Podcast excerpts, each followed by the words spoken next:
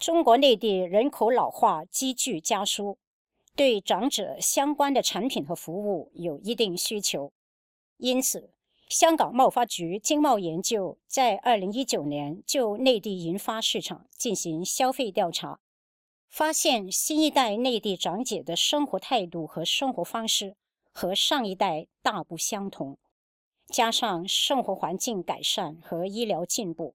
内地大多数老年人拥有健康的体魄，绝大部分受访长者认同，子女有自己的世界，长姐也有自己的生活安排。也有长者认为自己不一定需要与子女同住。这些健康、自主、消费力高的内地长者，自然就形成一个庞大的消费市场。近年社交媒体大行其道。令长姐的生活更为多姿多彩。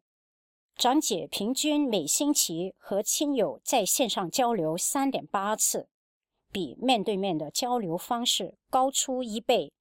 以微信为例，内地长姐在微信上有不同的朋友群组，他们在微信群里积极互相分享消费信息，而新型的网上购物方式。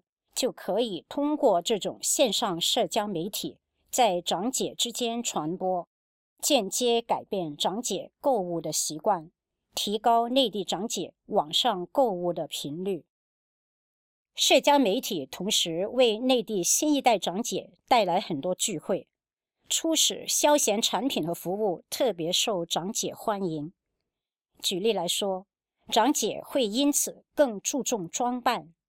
差不多所有受访者在过去一年都曾经购买服装和饰品。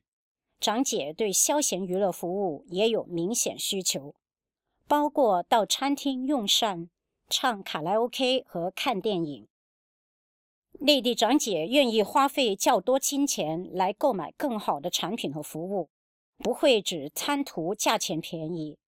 百分之八十四受访长姐表示，相比以前。他们现在用的产品和服务档次更高，他们购买产品的平均价格为数百元人民币，还有些产品超过一千元。这次消费调查特别注意到，内地长姐对旅游需求快速上升，长姐平均一年超过七次自费在国内短途旅行，平均每次花一两千元。至于出国旅行的消费，更超过一万元。内地消费者十分重视长姐产品和服务的安全程度，分别有百分之十八和百分之二十六受访长姐和子女表示，购买长姐产品时的首要考虑是安全。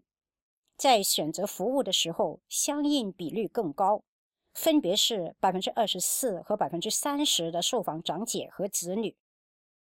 此外，内地长姐消费时，期望产品既时尚又专业。以一些标榜适合长姐的产品为例，虽然有七成受访长姐认同长姐专用的产品更专业，但是同时有一半长姐认为这些产品的款式不够时尚，而且会显老。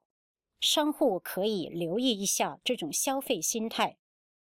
事实上，很多新一代长姐都乐意尝试新产品、新服务。